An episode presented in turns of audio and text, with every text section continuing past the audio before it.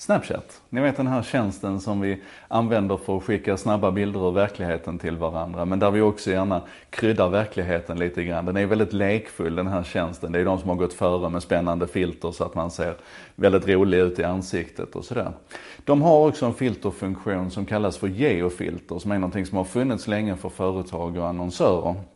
Eh, och det är i princip att man utifrån ett geografiskt område, område skapar ett, ett overlay och när sen användarna snappar inom det området så får man alternativet att använda det här filtret och lägga det över. Det har varit ett, ett sätt att annonsera på, på eh, Snapchat och det stod för 8% av deras intäkter förra året. Så det, det, har varit ganska populärt bland annonsörer och det betyder ju att användarna har tyckt att det har varit populärt för då har man ju använt de där filtren annars hade det inte genererat några annonspengar. Ja men ni fattar. så. Nu så, sen i maj tror jag det så har eh, privata användare också kunnat skapa egna sådana här geofilter i USA. Och nyheten nu är att det kommer till Sverige också. Jag har precis testat det själv.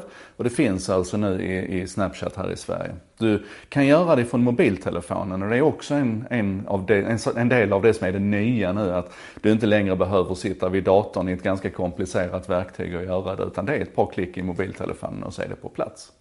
Jag testade att skapa ett grattisfilter här i det här kvarteret. Eh, det kostade 119 kronor om jag vill köra det här filtret i ett dygn. Och, det betyder helt enkelt att när någon är här på mitt födelsedagskalas och snappar så kan de välja att lägga ett, ett overlay på som visar att det kommer härifrån.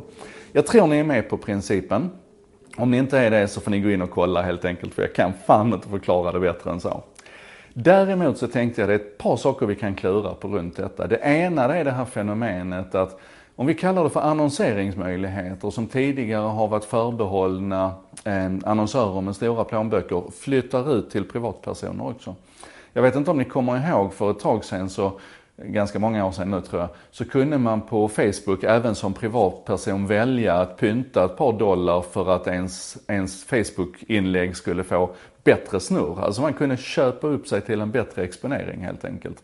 Jag tycker det är lite synd att man tog bort det för jag kunde förstå poängen. Till exempel när man, eh, när man har fått barn, ni vet ungefär som att man förr gick till lokaltidningen och satte in en annons där, så här födda och döda och, och så. Så kunde jag förstå att man som privatperson ville vid vissa tillfällen kanske se till att så många som möjligt av mina vänner ser det här inlägget faktiskt. Att man köpte sig till högre synlighet i, i vännernas flöde. Det är en sak. Men det som jag egentligen går igång på mycket mer det är den här ständiga påminnelsen om geofilter eller geofencing. Alltså att vi på en karta kan rita upp ett område och säga att inom den här kartan så ska det här hända. Ehm, till exempel så, och ibland behöver vi inte ens rita upp en karta utan den bara utgår från det. Som våra Joey-lampor här i, i vårt hem till exempel. När, när den sista telefonen lämnar lägenheten så släcks alla lamporna i hela huset. Och när den första telefonen i familjen kommer in i, i lägenheten så, så tänds lamporna igen enligt ett visst mönster. och, och det här med, med geofencing, det kan man ju flytta ut i, i, andra, vad ska man säga, i andra enheter också. Som vår bil då, vår, vår gamla, vid det här laget gamla bil. Den har en, en liten plugg ifrån ett företag som heter Automile. Så den sitter instucken i bilen och är konstant uppkopplad. Så att jag kan, till exempel när jag har parkerat på den här stora Välarparkeringen här ute, så köpladan. Och jag varenda gång glömmer var bilen är så kan jag med min mobiltelefon plocka upp och se exakt vilken ruta den står på. Liksom. Så exakt är det här. Och den loggar alla våra resor och den tar reda på vilken bränsleförbrukning vi har. Ja, vet så här.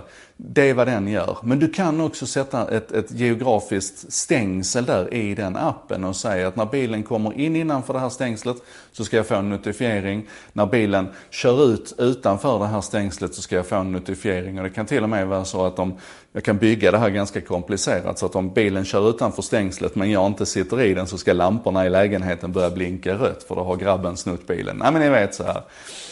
Um, det som fortfarande stör mig när det gäller geofencing och den här idén om hur vi bygger ihop den digitala världen med den fysiska världen via en kartbild.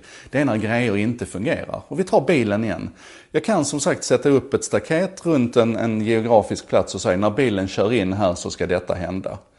Däremot så kan jag inte tala om för vår parkeringsapplikation EasyPark att nu har bilen kört in här så nu ska du automatiskt gå igång och börja betala parkeringsavgiften här.